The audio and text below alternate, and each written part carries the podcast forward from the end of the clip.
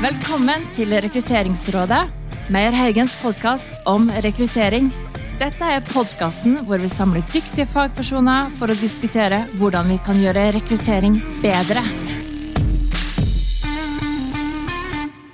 Velkommen til Rekrutteringsrådet episode 62. I dag så skal vi snakke om noe som veldig mange syns er interessant og spennende, og kanskje også litt vanskelig. Vi skal snakke om employer branding, og mer spesifikt så skal vi snakke om employer branding og merkevare. For litt siden så var jeg så heldig at jeg fikk være med på et event hvor jeg selv snakket om employer branding, og på det eventet, etter meg på scenen, så kom det opp en dame som holdt et gnistrende innlegg hvor hun snakket om, eh, om eh, merkevare og koblet opp mot arbeidsgiverattraktivitet og employer branding. Det var så bra, syns jeg, at det, det, da tenkte jeg meg en gang at hun må jeg få med her eh, på podkast i Rekrutteringsrådet, og nå er hun her sammen med meg. Cecilie Faye, hjertelig velkommen. Tusen takk, Sverre. Du Cecilie, du er daglig leder i Media Pluss. Stemmer det? Det er helt riktig. Og du har altså jobbet i mange år med merkevare og kommunikasjon på flere sider av bordet. Har jeg forstått det riktig da? Ja, jeg har jobbet eh, ja, i media- og kommunikasjonsbransjen i generasjon pluss. Jeg begynte i den bransjen faktisk tidlig på 90-tallet. Ja, Det er en stund siden. det er en stund siden. Og eh, når du sier du har jobbet på liksom flere sider av bordet, hva, hva tenker du på da?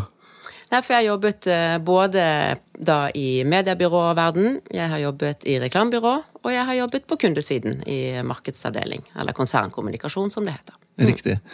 Og, og employer branding, det, det, det har du ikke jobbet med like lenge? eller hvordan, For det er jo litt sånn ny, nyere på mange vis. Det er litt nyere, og det, jeg har jobbet med employer branding de siste tre årene. Så så lenge jeg har ledet Mediaplus, som Ja. er et mediebyrå, og som har spesialisert seg innenfor ja, effektiv stillingsannonsering og employer branding-kommunikasjon.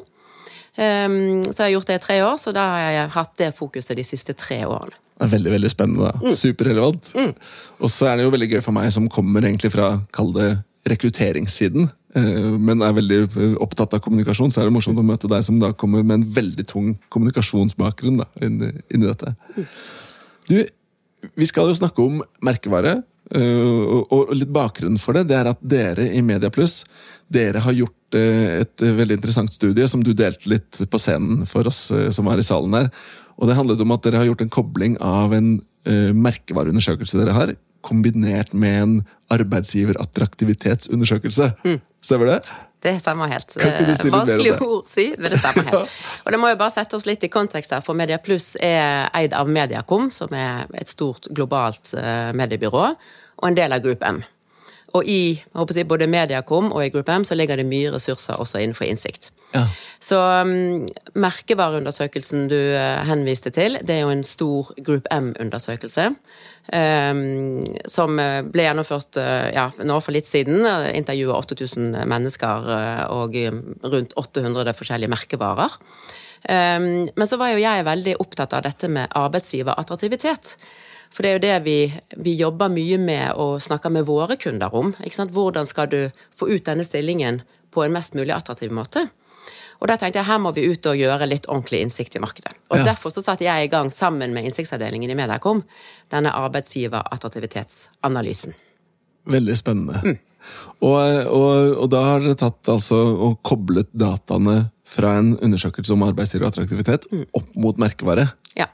Ja. Og ut av der så kan man finne noe interessant å finne. Så kan man finne veldig mye interessant. Man finner mye interessant i si, arbeidsgiverstudiet i seg selv, Ja, ja. men også i denne koblingen mot merkevare. Mm. Og da skal vi snakke litt mer om de funnene etterpå. Men, men først, da, for det, det vi snakker om her, når vi snakker om employer branding og arbeidsgiverattraktivitet, så, handl, så handler det jo om det å få de rette kandidatene til å velge deg som arbeidsgiver, sånn at du faktisk får ansatt de talentene du trenger. da. Eh, Men hvordan var din inngang i dette? Liksom, når du var ferdig studert, hva var din aller, aller første jobb? Min, jeg, eller å si, jeg var ferdig studert helt tidlig på 90-tallet. Ja, Eh, Jeg er bergenser, som du kanskje hører. Ja. Det var jo ikke snakk om å flytte tilbake igjen til Bergen etter studiet i utlandet, for arbeidsmarkedet var helt tørrlagt. ja. Så det var utrolig vanskelig å få seg jobb, og særlig innenfor kanskje da kommunikasjon og markedssfæren. Ja. Um, så da dro jeg til Oslo, og da meldte jeg meg på Manpower. Ja. Uh, og det var sånn jeg fikk min første jobb. ja, hvor var det, da? Ja. Det var i et uh, lite norsk produksjonsbyrå som het Norsk TV-byrå. Ja. som rett og slett produserte um, reklamefilmer. Hadde de, Hvis noen hadde spurt deg om drømmearbeidsgiver den gangen, hadde de vært på lista di, eller?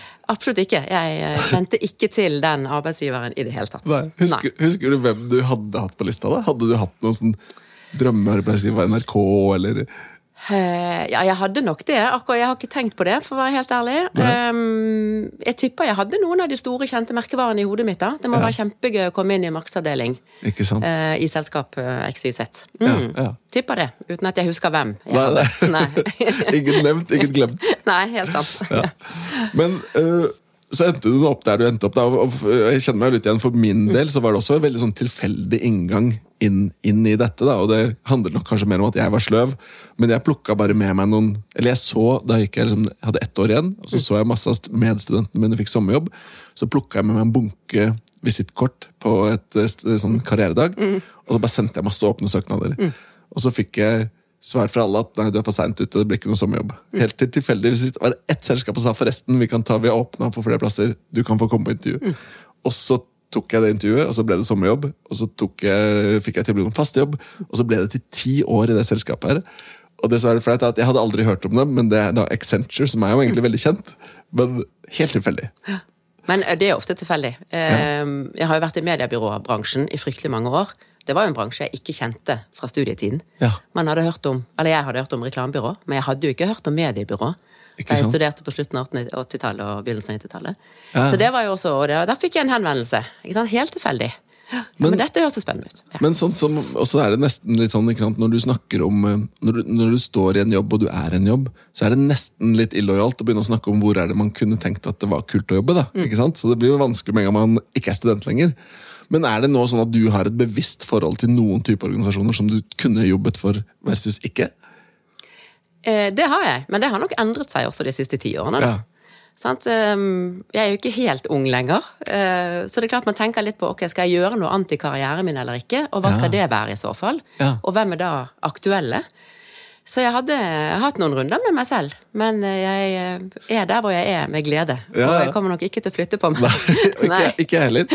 Men, men det er interessant å reflektere over, da, fordi vi, vi snakker jo mye om hvordan vi kan hjelpe kunder med å bli bedre på employer branding eller arbeidsgiverattraktivitet, men så ender det opp med at vi, når vi tenker over det selv, så er det kanskje ikke sånn at vi har et favorittarbeidsgiver så, eller sånn drømmested å dra til hvis man skal flytte på seg. Nei, jeg tror det er mange av oss som ikke har det. Og jeg tror også den drømmearbeidsgiveren endrer seg litt over tid. Det gjør nok det. Um, du har jo jobbet med merkevare så lenge. Er det sånn at du da får et litt sånn spesielt forhold til det? hvis du skjønner? At du analyserer deg selv på en annen måte? At hvorfor tenker jeg som jeg gjør nå? Eh, det kan godt være, eller det, det i alle fall jeg tror skjer, er jo at jeg ser veldig godt hvordan ulike selskaper kommuniserer. Ja. Og hvordan ulike merkevarer kommuniserer. Og så tenker jeg ofte over ja, men hvorfor liker jeg dette i forhold til dette. Ja. Ehm, og det er litt sånn interessant egenrefleksjon, rett og slett. Hva er det som gjør at jeg liker og ikke liker? For det, liking er en viktig faktor her. Ja, Mm. Hvordan, hvordan ser du parallellene mellom det du merkevare sånn generelt sett ut mot si, kommunikasjon og merkevarebygging opp imot employer branding? da? Er det store paralleller? Ja, det er jo det. Jeg mener jo eh, at eh, si, employer branding det er merkevarebygging. Det, det er det det handler om. Ja. Ehm, og sant, nå har jeg bare vært i denne employer branding-bransjen, kall det det, da, i tre år. Men jeg har, sett, eh, jeg har sett mye arbeid, og jeg har sett mye innsikt. Eh, og jeg stiller jo noen spørsmål, rett og slett, med hva vi fokuserer på. Ja. Og så legger man kanskje hodet litt på blokken. Eller jeg legger hodet mitt på blokken med å si dette. Men, men jeg mener det faktisk veldig sterkt, og jeg brenner litt for det. Og det handler kanskje om å gjøre employer branding-arbeidet enda mer profesjonelt enn det man har gjort. Ikke sant? For det er, jo, et det er jo på mange vis et litt mer umodent felt, eller et nyere begrep, eller Det er jo et nyere begrep. Altså jeg tenker Arbeidsgiverattraktivitet har man jo alltid hatt et ønske om, men det er jo først når det blir fryktelig vanskelig å få fatt i, i de riktige kandidatene, det er jo da på en måte employer branding kommer på alles lepper. Ja? Og kommer på ledelsens bord. Og det er først når det kommer på ledelsens bord at det skjer noe. Ja, Og da er det ofte litt seint, da. For da, Det, da er det litt sent, men, men altså bedre sent enn aldri. Ja, det er sant. vil jeg virkelig si. Det, det er aldri for sent å begynne den merkevarereisen. nei, det er veldig, Hvis du ikke begynner på den, så um, er det litt lost case, rett og slett. Ikke sant? Ja. Ja. jeg er helt enig. Ja. Men, men hva tenker du, hvis du ser liksom på markedet generelt sett? Da, hva, Mm. Du nevner profesjonalitet. At, uh, du, hva er det man kan eller bør profesjonalisere? Ja, uff. Det, det er et stort spørsmål, Men, eh, Men bare la meg begynne. sånn, det viktigste, mener jeg, da, det er at hvis du skal vite altså Skal du vite hvordan eller hva du skal kommunisere på, så må du ha markedsinnsikt. Ja. Um, og innsikt, det er litt sånn uh, som du spør, får du svar. At du må vite litt ok, hva er det på jakt etter. Jeg, jeg, jeg er opptatt av at, at mitt selskap kommer godt ut i test, men det er jo ikke den faktiske markedsinnsikten. Du må stille spørsmål på en måte som gjør at markedet kan svare fritt, uten å bli liksom veiledet for mye i hvordan du skal svare. Ja. Og det er det vi kaller for da uhjulpne spørsmål i markedsinnsikten.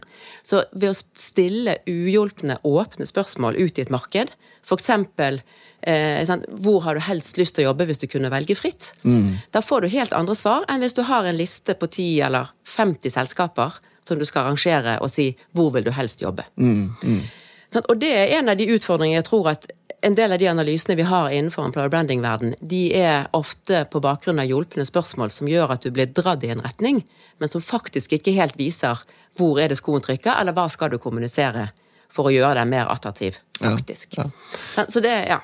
Men, men hva med den, det, det som jeg ser ofte kan være en utfordring, det er jo nettopp det som handler om hvor ansvaret ligger, og hvor liksom skillet ligger. og La oss ta kommunikasjonen av markedskommunikasjonen. Kan ha et fokus som handler om å selge et produkt mm. og bruke virkemidler for det. Men så kanskje du ønsker i employer branding å kommunisere kultur, samhold eller en del andre ting som ikke nødvendigvis handler om produktet. da.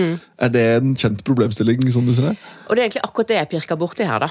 Gjennom dette studiet vårt. Sant? Fordi at employer branding eh, handler jo ofte om, per i dag, å snakke om kulturen vår. Hvilken fagkompetanse du blir en del av. Hvor gøy vi har det på jobb. Ikke sant? Kickoffer, you name it. Em, det våre studier viser veldig tydelig, det er ikke, det er jo at den biten driver ikke attraktivitet Nei. for eksterne kandidater. Ikke sant? Internt kan dette være veldig viktig. Ja. Det kan også selvfølgelig være viktig hvis jeg har to jobbtilbud. Og disse to selskapene er like sterke merkevarer i mitt hode. Ja. Så kan liksom, ok, den verdi og kulturen som jeg har fått med meg et selskap A gjør, Ja. den kan godt vippe at da går jeg heller der enn til selskap B. Men jeg tror jo at vi har vært altfor lite merkevareorientert i vår employer branding-kommunikasjon. Og vi snakker mye om EVPs og verdisett og kultur. Superviktig. Du skal ha ansatte som trives, og som gleder seg til å gå på jobb. Ja. Det er en forutsetning før du kan begynne å jobbe med ekstern kommunikasjon rundt employer branding. Ja, ja. Så, så rydd opp i eget hus, for all del. Ja, for det er det utsagnet If you take care of the inside, the inside will take care of the outside. Ikke sant? Og det er utrolig viktig. Ja. Ikke sant? Så innsiden og utsiden, det må passe sammen. Ikke sant? Og hvis du forteller flotte historier som ikke er sann, så, eh, så raser jo hele korthuset Ja. sammen. Og der, der er det jo bare by the way, som Mm. en side, sidenotat til det. Det er interessant å se på studier ikke sant, som ser på av de som får en jobb, Mm. så er det jo 20% sier i hvert fall i en studie fra 2016, sier etterpå at jobben var dårligere eller mye dårligere Mm. enn jeg trodde. Ikke sant? At det har blitt oversolgt, da. Og da kan du tenke deg hvordan den blir en negativ ambassadør da, Ja, på ja. vegne av det selskapet. For det er klart, dine, dine ansatte er dine aller viktigste ambassadører. Så de må du først og fremst ta vare på. Men når Mm. Enig. det er på plass, Ja. da kan du begynne å jobbe med ekstern kommunikasjon. Men klarer du å komme gjennom den, den, den altså si, produktmerkevaren? Mm. Hvordan får man til det? Nei, og det er jo sant? Employer branding er ingen quick fix. Nei. Jeg må jo si at vi har mange kunder som ringer oss i dag og sier vet du hva, jeg får ikke kvalifiserte søkere på denne kampanjen vi har kjørt nå. Nei, det kan være fordi at ikke du står så høyt oppe i folks hoder som attraktiv arbeidsgiver.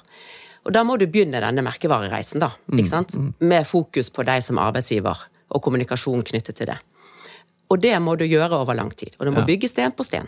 Og det må være, ikke sant? Hvilke knapper skal du trykke på i forhold til innholdet du kommuniserer, og hvordan distribuerer du dette budskapet ut? Og, og der vil jo jeg påpeke, da, fra et rekrutteringsfaglig ståsted, ikke sant? så vil jo jeg si at hvis du ser på rekruttering i stort, i volum til organisasjoner, eh, de fleste, så handler det jo veldig mye om annonsert rekruttering. Du legger ut en annonse, og du håper selvfølgelig at du skal få de riktige kandidatene. Eh, Og da er du avhengig av at folk søker. De rette søker. Og da, klart, da vil jo merkevaren din og hvordan du har skrevet annonsen, og mange ting påvirke deg. Men employer brandet ditt og merkevaren din har jo også noe å si på den andre måten å rekruttere på, som vi som er hodejegere gjør. Hvor jeg går ut og henter folk Ja. som ikke er jobbsøkende. Hvor jeg sier Har du lyst på en ny jobb? Og hvis du da har et sterkt brand, så ser vi det ser veldig stor forskjell på om, du, om vi har et sterkt brand som trekker folk eller ikke. Ja. Det er noen brands hvor det er veldig lett å liksom få folk i dialog. Andre er nesten umulig. Og det er interessant. Og det er merkevarestyrken. Ja. ikke sant? Og det, jo, det har vi jo visst, på en måte. Men, men litt av utfordringen, tror jeg, da, det er jo at veldig ofte så havner employer branding-oppgaven, kall det det, handler eh, Eller kommer på HR sitt bord. Ja. Og HR de er kjempegode på å rekruttere, onboarde, lederutvikling, offboarde for den saks skyld. Men kommunikasjon, det er ikke deres fagområde. Nei, og, Og, og, og da er det vanskelig, da, å jobbe med godt innhold. For det, selvfølgelig kan du ikke det som en HR-rådgiver, eller nei, nei. Det, er en, det er en reell eh, It's a real problem, Ja. tror jeg i hvert fall vi kan konkludere med i fellesskap her. Eh, og, eh, og, og så er det vel litt sånn som du sa i stad, at man, det er viktig, viktig er jo at man gjør noe, da. Men Ja, ja, og jeg mener bare sånn, ikke for å avbryte deg, men sant, det viktigste da, hvis, hvis du får den ballen i fanget som HR-rådgiver, Ja. da må du bygge den gode broen over til markedsavdelingen, eller en ekstern partner som kan hjelpe deg med å lage det gode innholdet. For det, vi, kan markedet, vi kan ikke forvente at HR også skal gjøre det. Faglig så ligger det et helt annet sted. Men på samme måte så kan jo jeg påstå at andre veien. da. Mm. Vi kan ikke forvente at kommunikasjon skal klare å formidle hva som er relevant og viktig, fordi man må jo forstå rekruttering, eller kultur, eller Nei. Markedsavdelingen, kommunikasjonsavdelingen, de kan mye om merkevare. Ja. Eller bør kunne mye om merkevare. Ja. Da vet de også, burde vite, hvilket innhold trenger vi å snakke om for okay. å bygge attraktivitet som arbeidsgiver. Og nå begynner vi å nærme oss, Bro. Nå må vi snakke litt om den undersøkelsen din, mm. Cecilie.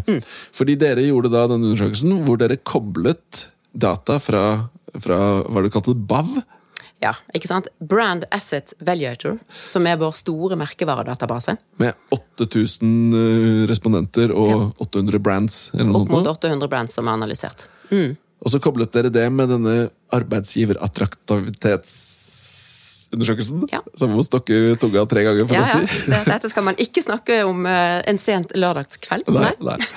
Og så så dere en del ting. Og først, La oss begynne å snakke om drømmearbeidsgivere. Da. Nå har vi allerede snakket om hvordan det var da, vi, da du gikk Ja. ut ikke sant, av studien. Du hadde kanskje noen du tenkte på. Jeg vet For min del så tenkte jeg kanskje på Google og noen av de store, kjente brandene ikke sant, som var mine Så ung du. Sverre. Google var ikke så etablert på begynnelsen av 90-tallet. Nei, nei, ikke sant. Nei, ikke sant. Men, men eh, det dere gjorde da, var at dere gikk ut, og så nevnte jo du i stad, ikke sant. Du kan spørre folk hjulpet. Mm. Hvem vil du rangere av disse 50? Eller så kan du spørre åpent, og dere spurte åpent. Mm. Hva var konklusjonen på det dere fant, Cecilie? Konklusjonen er veldig enkel. Oppsummert med to ord vet ikke. Og det er veldig interessant. Veldig interessant. Så, folk flest har faktisk ikke liksom en drømmearbeidsgiver i hodet. Nei. Nei. Og hva betyr det i praksis, sånn som du ser det? Nei, det jeg mener jo at her ligger jo eh, alle veier åpne for veldig mange selskaper og merkevarer til å faktisk bygge en posisjon da, som gjør at du er, blir litt mer bevisst oppi folks hoder, og da de riktige kandidatenes hoder, Ja. i forhold til hvor du vet at du trenger arbeidskraft litt frem i tid. Og så, og så tenker jeg da, fordi jeg, jeg har jo et perspektiv på Jeg ser jo et marked ikke sant, hvor det er et fullstendig underskudd på noen typer talenter, og alle vil ha dem, og alle prøver å kommunisere mer og mer og bedre og bedre for å få tak i de samme. ikke sant? Så vil jo jeg påstå at dette er jo en fantastisk anledning til å være dyktig på målrettet kommunikasjon, som handler om liksom litt mer intim kommunikasjon til den kandidaten. Hvis du treffer på det, så kan du flytte på dem, uavhengig av hvor stack brandet ditt er, kanskje. da. Eh, ikke helt enig. Nei, Nei. Hva tenker du? For jeg, eh, vi kjøper veldig målrettet i dag. Ja. Ikke sant? Teknologien, digitalisering av mediene, ikke sant? det gjør at vi kjøper veldig målrettet. Ja. Det er jo innholdet som gjør om du reagerer eller ikke. Ok. Ikke sant? Man har 1,2 sekunder på å, når du sitter og scroller på telefonen din, da. Ja. Ikke sant? Så er det utrolig kort tid du har som avsender av en annonse, Ja. eh, at folk skal stoppe opp. Ikke sant? Så det er jo det innholdet som står der, som blir superviktig. Ja. Um, og da mener jeg at innholdet vi ofte har rundt employer branding-kommunikasjon, Mm. det blir for hva skal du kalle det, for mykt, da. Ja. For at det faktisk fester seg i mitt eller folks hoder Det- det som attraktivitet. Men hva, Eh, når du sier det blir for mykt, hva, hva tenker du på da? Hva skal man gjøre for å unngå det? Nei, for jeg tror igjen at mye av employer brandingen i dag handler mye nettopp om kultur. Hva Ja. man gjør innenfor samfunnsansvar. Ja. Ikke sant? Hvor fortreffelig vi er innenfor det. Og det er viktige ting, men det er ikke de viktigste egenskapene for å bygge deg som en attraktiv arbeidsgiver. Og, og det skal vi straks snakke om, men Ja. først så har jeg lyst til å si at jeg tror jo at problemstillingen Jeg tror du har rett på mange vis, at det blir liksom litt for mykt, men jeg tror problemstillingen ligger på et litt annet nivå også. Og det er at eh, det er så mange som snakker om la oss si, for eksempel, arbeidsmiljø. Da. Vi har så godt arbeidsmiljø. Vi vet jo at det er viktig for folk. Det er viktig for alle. Problemet er at det er ikke noe tillit til det. Nei. Fordi alle kan jo si det, så hvor er beviset? Og da kommer jo inn det som vi vet fra rekruttering, at f.eks. noen av de beste ansettelsene du får, og de enkleste ansettelsene er via referrals, altså at ansatte anbefaler. Og det er fordi da er det en tillit, for det er en tillitsrelasjon. Du kommer inn og du får øre til den potensielle kandidaten da, på en helt annen måte. Og det er jeg helt enig med deg. Og min hypotese er jo at hvis du ser en kampanje for et selskap som står veldig sterkt i ditt hode, Ja. da blir du interessert. Ja. Så går du inn på karrieresidene, og der får du en feeling av kultur og hvordan vi faktisk har det. Med ikke sant, nedpå små videosnutter eh, av ordentlige ansatte. Ja. Ikke sant? Så det er jo ikke det at du ikke skal jobbe med den delen av kommunikasjonen nå. Nei. Men poenget her er at det er ikke det som er de viktigste driverne for å bygge deg som attraktiv arbeidsgiver. Ikke sant? Og eh, for, å, for å gå litt over Jeg syns det her er utrolig Ja. spennende, bare forresten. Men for å gå litt over, for å foregripe litt da, og hjelpe deg litt sånn inn mot det vi skal snakke om nå. Jeg eh, har forstått det sånn at En av hypotesene du hadde, eller dere hadde, det var at dere kom til å finne en sterk kobling mellom hvordan man assosierer et brand til f.eks. bærekraft og attraktivitet som arbeidsgiver. Men hva var det dere egentlig fant? Ja, og det var særlig det samfunnsansvaret. da, For vi syns ofte at man snakker om samfunnsansvar, at det er så viktig Ja. å kommunisere i, i sammenheng med employer branding. Ja, Og det vi så da i vår analyse, der vi koblet disse to store undersøkelsene sammen, er jo at samfunnsansvar havner helt nede på en 18. plass Oi! av viktige egenskaper for faktisk å bygge en attraktiv arbeidsgiver. Ja. Så det betyr at det, er, det er viktig, men det er veldig mange andre ting som er mye viktigere å fokusere på i kommunikasjonen for å bygge den posisjonen du ønsker der ute. For det er det vi snakker om i denne sammenhengen her. da. Ja, Så da rangerte dere altså ulike disse personlighetstrekkene til et brand. Ja. Hva var det som kom opp som det viktigste da, for å være en attraktiv arbeidsgiver? Det aller viktigste, det er uh, high performer. High performer. Ja, eller high jeg- performance. Ja, nå får jeg så flashback til da jeg jobbet i Accenture. Jeg var rekrutteringsansvarlig der, Ja. og, da, og da var det high performance delivered. Ja, og så er jo spørsmålet hva, hvordan sant, kommuniserer du rundt det å bygge high performance? Hva, hva betyr det faktisk? Ja, det lurer jeg på. Ikke sant? Og så har du best brand som en veldig god nummer to, Ja. eh, og kreativitet som en veldig god nummer tre. Så det er liksom de tre viktigste attributtene, da, som det heter så fint. Men hva skal til? La oss si, la oss si at eh, vi da lurer på hva, hva er det vi må trykke på, eller hva bør vi prøve å få kommunisert hvis vi skal bli assosiert med å være en high performer? Nei, da, den viktigste egenskapen er faktisk at du er et selskap som folk stoler på. Ja. Eh. Og det handler jo kanskje om hva du leser om i nyhetene, mer enn noe som helst annet. Hvis man gjør noe?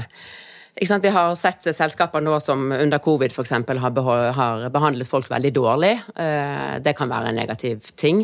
Eller man har eh, gjort noe som selskap som eh, underslag, eller jeg vet ikke. ikke? Altså, Ja, ja. Sånne type ting. Det, da, da faller du langt ned på listen med en gang. Ja. Så stole på det er en viktig egenskap.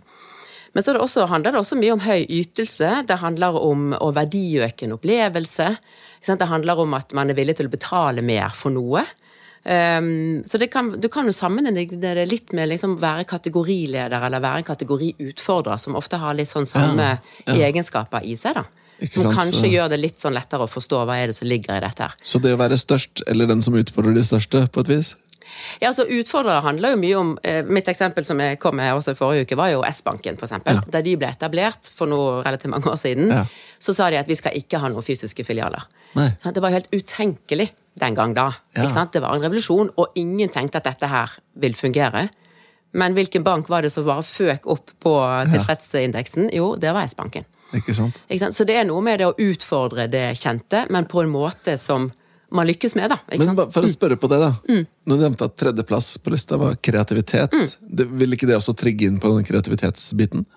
Eh, Det å være utfordra, tenker du? Ja, eller Jo det, det er sånn som det å gå helt digitalt når alle andre er fysiske, da. Jo da, det vil det nok. sant? Og I kreativitet så handler det litt om å være trendy, men også være progressiv og en som utvikler seg. ikke sant? Og det er jo en sånn utfordrerrolle også. Ja. Og det er jo kanskje litt av det som gjør det vanskelig, at de, de glir jo litt over i hverandre, disse personlighetstrekkene. Ja, ja. Men hvis du liksom studerer topp fem, da, Mm. og tenker at ok, innenfor her har vi faktisk mye å snakke om, Ja, eh, er så har du et veldig godt utgangspunkt. Mm. ja det er veldig interessant. Mm. Um, Er det noe mer å si om liksom, karakteristikkene? Vi snakket litt nå om å være, om å være high performer, men du nevnte også eh, Hva var det nummer to på lista? Best, best brand. Best brand, ja. Ja. Og der har du typisk den verdt å betale mer for. Ja. Men det er jo knyttet opp mot det å være litt unik. Ok, Um, det er ikke så lett, da. Nei, men altså S-banken er jo et veldig godt eksempel på det. Ja, ja. De var helt unike der de kom i sin tid. Ja. Sant? Spotify også gjorde jo noe revolusjonært håper jeg, innenfor musikk. Mm. Veldig unikt, det de gjorde. Så det er klart at når du gjør sånne ting, og du lykkes med det i det digitale eller det tekniske, eller hva det nå handler om, så står du veldig sterkt. Og så var- også, hvor lenge det varer, det er jo et annet spørsmål. Så for vår del, da, for eksempel, når vi er papirløse, er det, med, det er med på å gjøre oss unike. Hvis vi klarer å få det ut og synliggjøre det. Eh, ja, hvis ikke det, det er vanlig i deres bransje å, gjøre, å jobbe papirløst. Jeg tror ikke det er så vanlig. Nei, jeg vet ikke. Jeg, det skal ikke jeg svare på. Ålreit. Um, ja, men veldig bra. Du, eh, hvis de som lytter tenker at dette her kunne jo vært interessant å sett mer om, eller lest mer om, eller sånt hva gjør de da? Der tar de kontakt med meg, vet du. På Ja. mediaplus.no. Mediaplus. Mediaplus.no. Du ligger på weben der. Der ligger vi. Mm. Ja, veldig bra. Um, jeg har lyst til, nå på slutten på tampen her nå, så har jeg lyst til først å spørre deg Hvis du skulle, basert på din faginnsikt og forståelse, gi tre tips til de som ønsker å løfte sin egen employer branding-innsats, ville du klart det? Jeg gir veldig gjerne tre tips. Ja, det er spent. Eh, det aller første, hvis ikke det er marked eller kommunikasjon som sitter på employer branding-oppgaven, hvis du er HR som har den, så sier jeg bli bestevenn med markedsavdelingen. Ja. Fryktelig viktig. Bygg den broen. Stor og solid bro. Nummer to, sørg for relevant markedsinnsikt. ja. Og det er også en, en svøpe her, sant? hvis det er HR som sitter på denne ballen, eh, eller på denne oppgaven. Det å jobbe med innsikt på denne måten, det er klart HR tenker ikke det. Men markedsavdelingen burde tenke det. Hva slags type innsikt burde man som HR lete etter? Ja, da er jeg igjen ut, ut, spør uhjulpen, spør åpne spørsmål. Det er mye mer krevende å gjennomføre analyser som eh, har åpne spørsmål, og, og liksom Du må kode veldig mye svar. Ja. Men det er verdt det, for da får du på en måte det usminkede bildet av hvordan markedet opplever akkurat deg som, eh, som attraktiv Men må man, bare for å spørre på det, da, siden jeg ikke kan ditt fag, må man gjøre de surveyene? Må man gjøre de undersøkelsene selv, eller kan man hente data noe sted? Nei, de fins ikke noe sted. Um, så vidt meg bekjent, iallfall. Nei, nei. Um, for jeg ville jo tenkt at ok, employer branding er viktig.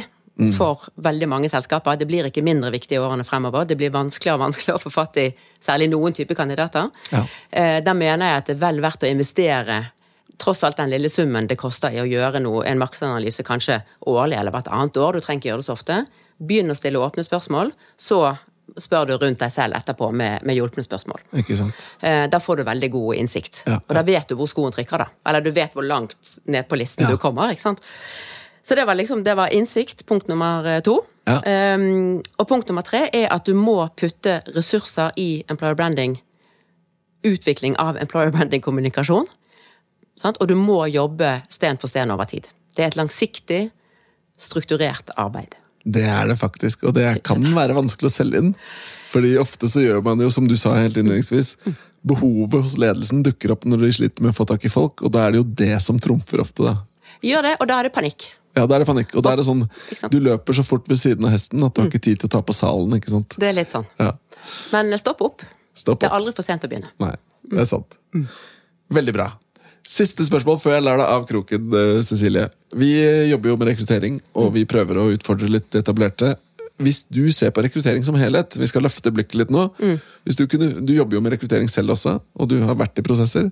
Hvis du kunne løfte blikket og fikse én ting, knipse i fingrene, og med et trylleslag så var det fiksa én ting med rekruttering du kunne endret, hva ville du endret da? Det er jo så mye jeg kanskje ville endret, men jeg, jeg brenner nok litt for den merkevare- og innholdsdelen i den eksterne kommunikasjonen. da, Når du har annonser, stillingsannonser. Ja. Tenk på innhold, tenk på branding. Koble det opp mot merkevare, opp mot employer branding med et merkevareperspektiv. Ja. Ehm, er du et stort selskap, så, har du, så ser stillingsannonsene ofte veldig veldig like ut. Da, da, da er det vanskelig for markedet der å oppfatte ulike stillinger du har ute. Ja. Og stillingsutlysningsteksten, herregud, det kan vi snakke lenge om. Ikke sant? Eh, Hvordan jeg leverer en søknad. det skal være plug and play, altså. Ja, ja. Um, ja. Veldig, det, veldig var ikke bare én ting. Nei, men nei, men, men, men, men eh, jeg, jeg, eh, jeg syns det er gode poenger, og så får du meg til å tenke. For jeg, jeg innser at jeg, jeg lærer noe. Jeg lærte nettopp noe. Eh, Det gjør jeg hver dag, og og det er ikke så rart når jeg snakker med smarte folk som deg. Men det som slo meg, da, som jeg ikke har tenkt på før Fordi jeg er så vant til å tenke på dette med employer branding og EVP, altså Employer Value Proposition eller medarbeiderløftet, som en sånn intern øvelse. Hvor man skal jobbe med å finne ut hva man er, og så må man prøve å finne ut hvordan man kommuniserer det. Men det man også burde gjøre, det er jo å sørge for at man har en god forståelse av merkevaren, brandet. Ja.